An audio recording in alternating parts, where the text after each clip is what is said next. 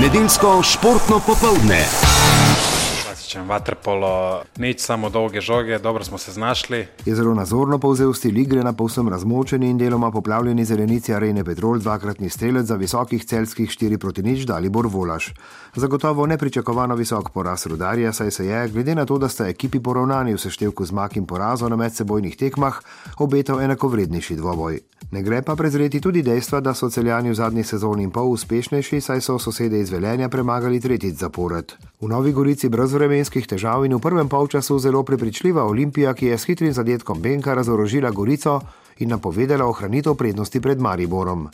Ni pa je dotovkla, ko je imela za to možnost in goričani so se v drugem polčasu ustrajno pobirali, vse do končnice, ko je po kotu Burgic zadev okvir gola in je ljubljanski kapetan in novopečeni reprezentant žogo neuspešno izbijal in jo zabil v svojo mrežo. Za ena proti ena, ki ni zadovoljil nikogar. Ljubljančani so zapravili vodstvo in danes najverjetneje tudi prvo mesto, goričani nadaljujejo serijo brez zmage. Miran Burgič, nekoč tudi igralec Olimpije. Ja, z moralnega vidika je zelo velika točka, ker smo zaostali proti eh, ekipi, ki vodi v prvenstvu. Ampak eh, rekel tako, da že dolgo nismo zmagali in tudi ta točka nam na lestvici ne bo kaj dosti pomagala. Nedeljsko športno popoldne.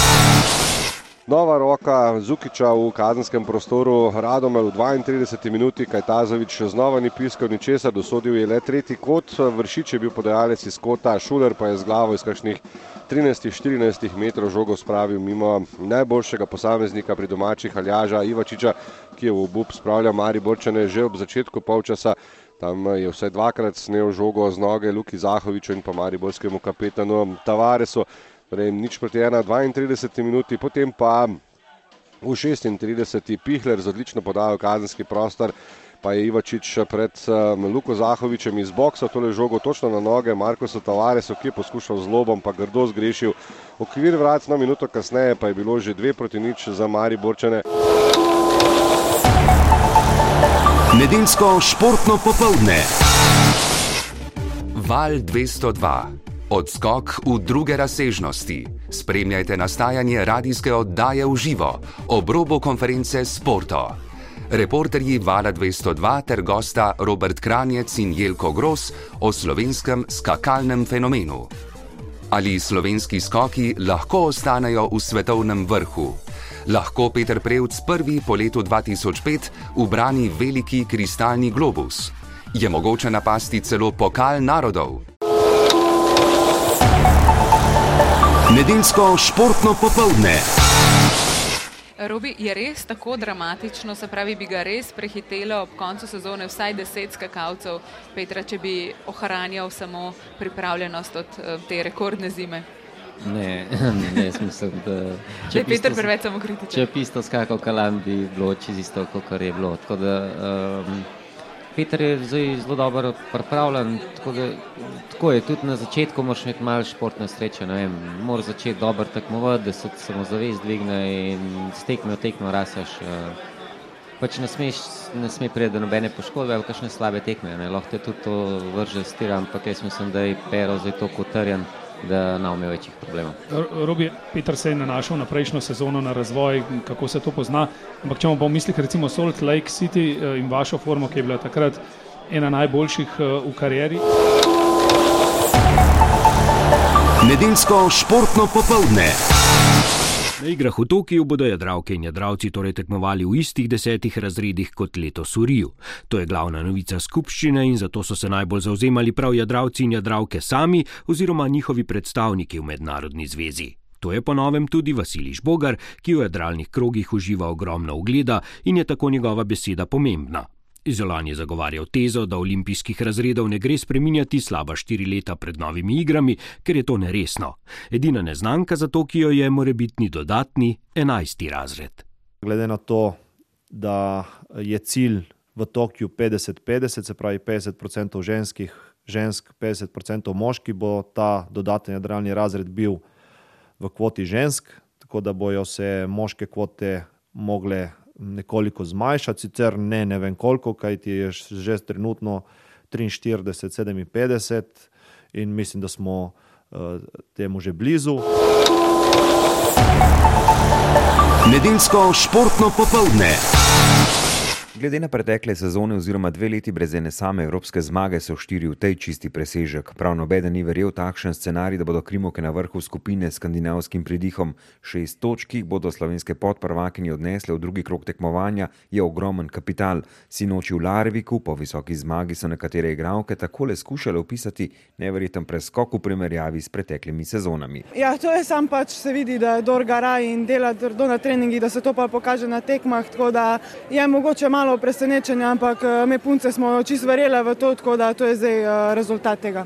Kimija je v tem, da punce med sabo res uh, razumemo se med sabo, dajemo srce, srce, igramo vsako tekmo na glavo, se vržemo. Um, vemo, da recimo velike ekipe nas podcenujejo, ampak uh, to se je dokazalo, da nismo ful boljša ekipa in uh, imamo štiri zmage.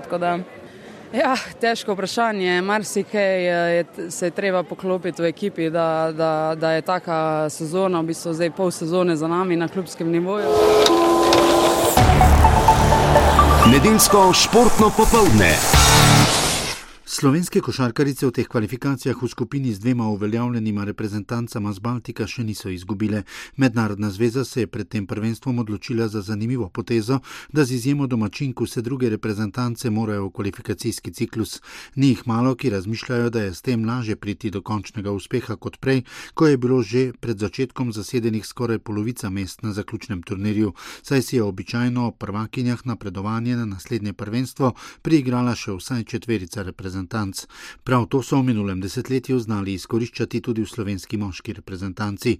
Tako Litva kot Latvija sta precej više na svetovni lestvici kot Slovenija, ki pa je pred zadnjim krogom na vodilnem mestu v svoji skupini. Latvijke, da nimo v sredo, morajo zmagati z našimi dekleti, če želijo na prvenstvo na Češkem. Ampak na to še počakajmo. Najprej bi vam z izjavo selektorja Damirja Grgiča rad ponazoril, kaj ima ta izbrana vrsta teh ducat slovenskih košarkaric. Mislim, da tako miren kot sem danes, eh, že dolgo nisem bil. Uh, enostavno mislim, da smo si zaslužili to zmago, kontrolirali tekmo od samega začetka do konca. Pa ne samo to je zmago, to v treh, zmagah, eh, v treh tekmah tri zmage, uvrstitev zgodovinska na Evropsko prvenstvo. Uh, mislim, da je prišlo naših pet minut. Izjemno vlogo sta v vseh teh letih ob mladih igralkah odigrali tudi obe najbolj izkušeni, ki sta zraven že pol drugo desetletje. Sandra Piršič je že na parketu komaj da zadrževala solze veselja. Zaenkrat sploh še ne dojemam, no, realno. Sem že v bistvu toliko časa v reprezentanci, tok, tokrat smo se že trudili na, za uvrstitev na to evropsko. Uh, zdaj nam je končno uspelo, uh, jaz sem sam vesela in srečna, da nam je to ratal. Uh, mislim, da smo končno najdel ekipo, kjer imamo v bistvu izkušnje in, in mladost. Uh, tako da se je najdla ena popolna kombinacija, seveda v, v timu strokovnim štabom ured. Mislim, da smo vsi naredili en velik posel. In ne, zdaj samo pač uživati v teh trenutkih in iti na Evropsko prvenstvo, da je to vse od sebe. Kapetanka Maja Erkič je najbolj zaslužna, da je krančanka Sandra Piršič, ki igra v Španiji, ustrajala do tega uspeha, saj je nič koliko krat napovedala slovo od reprezentance, kako reprezentanco doživlja kapetanka. Mislim, da je to v bistvu posledica tega, da so punce že zdaj eh, nekaj časa ali pa nekaj let v tujini, kar pomeni, da igrajo dobre, kvalitetne tekme, da igrajo konstantno pod pristiskom, tako da v bistvu te reprezentančne tekme so potem uh, v bistvu nekaj normalnega za njih. Tako da jaz mislim, da je, da je to edini razlog, uh, ker so v bistvu večina punc, ki igra v tujini, ima uh, pomembno vlogo in to so dobre lige, dobre tekme, igrajo z dobrimi igravkami. Uh, tako da mislim, da tiči razlog za to prav v tem. Nedeljsko športno popoldne. O dozdajšnjem poteku dvoboja in pričakovanjih pred nadaljevanjem se je slovensko velemojstrico in ambasadorko za šah pri Šahovski zvezi Slovenije Darjo Kapš pogovarjal Matej Hrastar. V dvoboju za svetovnega prvaka še vedno ni nobene odločitve, rezultat je izenačen, eh, smo pa na polovici. V teh šestih partijah se je vseeno zgodilo zelo veliko in o tem bomo z našo gostjo govorili v naslednjih minutah. Darja Kapš, za začetek ste že zbrali vtise iz New Yorka, Povejte nam mogoče nekaj stvari, ki vam uh, najbolj ostajajo v spominu. Ja, vtise še zbiram, moram reči. Najbolj mi je ostalo vsekakor to, da sem si lahko ogledala v živo torej meč za svetovnega prvaka, pa potem um, iz šahovskega vidika tudi to, kako zelo je opet šah v življenje New Yorkčanov. Praktično v vsakem parku najdeš šahovnico in posameznike, ki tam cele dneve šahirajo. Nedeljsko športno popoldne. Namreč vse je bilo odločeno že zdavnaj naprej, že je prvak, že kar nekaj rejlijev, tudi Volkswagen je imel dovolj veliko prednost, da ni bilo nobenega vprašanja na tem rejliju, oziroma tudi teoretično je bil že svetovni prvak. Edino, kar je še ostalo, je bilo to, ali bo Volkswagen osvojil tudi letos tudi drugo mesto ali ne. No, Terry Novil je to nekako preprečil in ne gre za 100-odstotni rezultat, ampak tisto, kar je Volkswagen naredil v zadnjem času, je res nekaj neverjetnega. Nedeljsko športno popoldne. Prva polovica letošnjega novembra se je za Benjamina Verbiča razpletla sansko. Po površini 34. največjega mediteranskega otoka slovenski reprezentant ne bo pozabil nikoli. Malta, 11. november. Tekma četrtega kroga kvalifikacij za svetovno prvenstvo leta 2018 v Rusiji. 47 minuta. V Taliju veselje slovenske reprezentance, Malta Slovenija nič proti ena, odlično se je znašel v petmetrskem prostoru Benjamin Verbič in speto zatresel po predložku oziroma nizki žogi z desne strani. Tam jo je lepo poslal v kazanski prostor Jasmin Kurtič, no Benjamin Verbič pa je Slovenijo popeljal v vodstvo. Njegova osma tekma za slovensko reprezentanco in prvi gol tega nogometa nogometaša Kebanhauna, ki igra v Ligi prvakov. Ja, jaz bi kar ta uh, gol uvrstil med um, enega najlepših, pa tudi uh, zelo, zelo pomembnih golov v moji karieri. Um, pa to se zgodi v, ja, res v sekundi. Um, ko vidiš podajo, da gre proti tebi, moraš um, reagirati. Jaz sem reagiral tako, kot sem, izkazal se za super in um, ne vem, nisem si pa prej predstavljal, prednji predložek, pa še da bom res to naredil. To se pač odločiš in reagiraš v tem trenutku in um, pač odločiš se za peto in zadev. Nedeljsko športno popoldne. To je velika zmaga za nas. Moramo vedeti, da so Poljaki nastopili na olimpijskih igrah, da so reprezentanca, ki na vsakem evropskem prvenstvu kandidira za medaljo in tudi, in tudi dosega medalje na evropskih prvenstvih. To je bilo eno veliko presenečenje. In zdaj po tej zmagi, seveda, potem ne moreš nič drugega, kot pa razmišljati tudi na zmago tudi proti Belgiji doma. Kakšna je sestava reprezentance? Jaz, potem pa pomlajena, pomlajena reprezentanca Jorgič in uh, Jorgič, Kožul, Žibrat in Prešolja. To so vsi fanti, ki so več kot 10, nekateri več kot 15 let uh, mlajši od mene. Poznate Belgice, torej kako močni so? O, solidna, kompaktna reprezentanca, imajo tri igralce, ki so vrščeni okrog stotega mesta na, na svetu. Mislim, da so njihova, njihova prva dva igralca boljše vrščena kot uh, trenutno, kot sta Darko in Deni, jaz sem pa boljši od vseh treh njihovih igralcev, po drugi strani pa tudi vemo, da ta lestvica ni ključnega pomena. Videli smo, kako je Darko premagal dosti boljšega od sebe, 40. igralca sveta, Dijaša na polskem, kako je Deni premagal uh, Goraka, ki je tudi okrog 60. mesta. Tako da v namiznem tenisu je en tak širok krog igralcev, kdo lahko vsakega premaga in tako da mislim, da tudi Fanta ima ta kvaliteto, da premagata uh, vse tri pol, belgijske igralce. Nedeljsko športno popoldne. Srebrna kolajna v Riju je Petra Kauzerja vnovič ustoličila za najboljšega kajkaša v državi. Četrto mesto špele po Nomarenko Janič pa je to kajkašico na mirnih vodah postavilo pred vse slalomistke. Oba imata za seboj odlično sezono. Poleg vrhunskega olimpijskega nastopa sta se izkazala tudi v svetovnem pokalu. Špela je bila skupno tretja, Petr pa četrti. Oba vrhunska tekmovalca pa sta v svoji sezoni videla še nekaj malega rezerve, kar ju je ločilo od popolnosti oziroma točneje od popolnega zadovoljstva. Špela Ponomarenko Janič je bila na olimpijskih igrah dvakrat v deseterici. Ja, vsaka nagrada je eno lepo darilo, ena nagrada za preteklo delo, za uspehe, ki sem jih dosegla. Glede na to, da so v slalomu pri nas kajkaši zelo dobri in dosegajo vrhunske rezultate, je to še večji uspeh, da mi je uspelo v tako težki konkurenci osvojiti to priznanje. Sezona je bila sigurno je bila odlična, ampak mogoče je nekaj manjkalo, tista medalja na olimpijskih igrah. Ne toliko na 200 metrov, mislim, da je bilo to maksimum, kar sem lahko pokazala, mogoče tisto na 500 metrov na stop je tisti, ki me malo muči in um, nekako ja, sem to odmislila, nismo niste preveč analizirali, ampak uh, vzela sem si malo večji premor, delala druge stvari nisem razmišljala o tem, potem sem se začela pripravljati na nove sezone. Nedeljsko športno popoldne. Po zadnji sezoni je v slovenski reprezentanci prišlo do največjih premikov v strokovnem vodstvu v zadnjih letih. Čeprav je bila pomlad precej turbulentna, pa se je že v vročem poletju vse spravilo v tečene tirnice, saj so se vsi dobro zavedali, da je vsak morebiten dan, kaj šele teden v tistem obdobju, lahko precej usoden za dosežke v štirih zimskih tekmovalnih mesecih. Ekipa, ki se je preselila k novemu prvemu trenerju, italijanu Stefano Saraku, je delala po svojem programu. Marko Gracer, ki je zadržal taktirko vadbe pri bronasti Olimpiji, olimpiki Vesni Fabjan pa je tudi zapeljal po svoji ustaljeni poti, kjer se je dodalo nekaj novosti.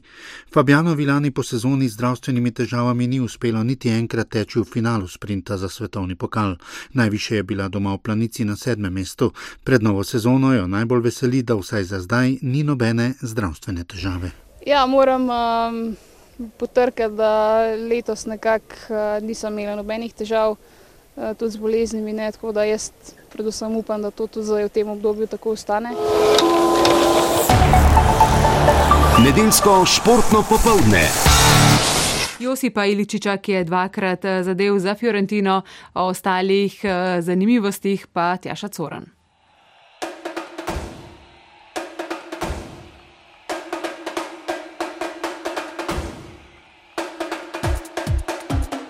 Z evropskih nogometnih igrišč. Favoritom ne gre vedno dobro od nog in nogometni vikend je prinesel kar nekaj presenečen, sploh v Španiji, kjer Barcelona ni bila kos malčkom iz Malage in kjer madridski derbi sploh ni bil derbi, ampak osebni šov Kristjana Ronalda. Katalonce zadnje tedne muči negotovost okoli pogodbe prvega zvezdnika Argentinca Lionela Mesija. Je pa res, da leta včeraj niti ni nastopil, saj je imel želočne težave, na klopi pa je obsedel kaznovani Luis Suarez. Kakorkoli, Barcelona je veliko z 90 minut odigrala z igralcem več, tik pred koncem pa celo z dvema viška, saj sta rdeče kartone dobila Lorente in Carlos. Nič proti nič in točka je velik uspeh za Malago, ki na lestvici počiva na zlati sredini. Španski časniki pa po spodrsljaju zdaj drugo vrščene Barcelone pišejo hvalospeve vratarju Malage Carlosu Kameni. Nedeljsko športno popoldne. Nenavaden ritem tekem nove sezone svetovnega pokala v športni gimnastiki, ki se bo končala marca 2018. Kodbus je tako letos dvakrat gostil telovadce, na 41. turnirju prvakov pa je danes Alen Dimic, ki je po svetovnem prvenstvu 2015 že razmišljal o koncu športne poti, osvojil drugo mesto na Bradli in tretje na drogu. Alen Dimic. Kaj naj rečem, sem zadovoljen, da sem naredil dvakrat uh, vaje, uh, sicer so bile lažje, um, zdaj sem imel tako ful težko obdobje, ker sem bil. Uh, veliko dela sem imel in uh, nisem imel glavo na pravem mestu. Ampak, gledaj, prišel sem na to tekmo, uspoščeno, na reko nijem kaj izgubiti, uh, lepo moram narediti in evo, naredil sem, eni so malo pohiksali, tako da super za me. Nedeljsko športno popoldne. Montpellieru igra set uh, tekme mednarodne konkurence. Mateuš eh, Mika danes ne bo na igrišču, bodo pa francoski podprvaki in slovenski prvaki v boju za uvrstitev med 20 eh, najboljših v Ligi prvakov, v skupinski del Lige prvakov, ki prinaša potem ligaški del in cel kup vrhunskih preizkušenj. Prvo tekmo bo denimo zmagovalec današnjega dvoboja odigral v Modeni proti enemu najboljših italijanskih klubov in želja je bila velika prisotna pri obeh ekipah. Odlično so začeli slovenski državni prvaki tudi to povratno tekmo, tri proti ena v nizih so zmagali v dvorani. Tivoli, no tokrat pa vodijo 4 proti 2. Nedeljsko športno popoldne.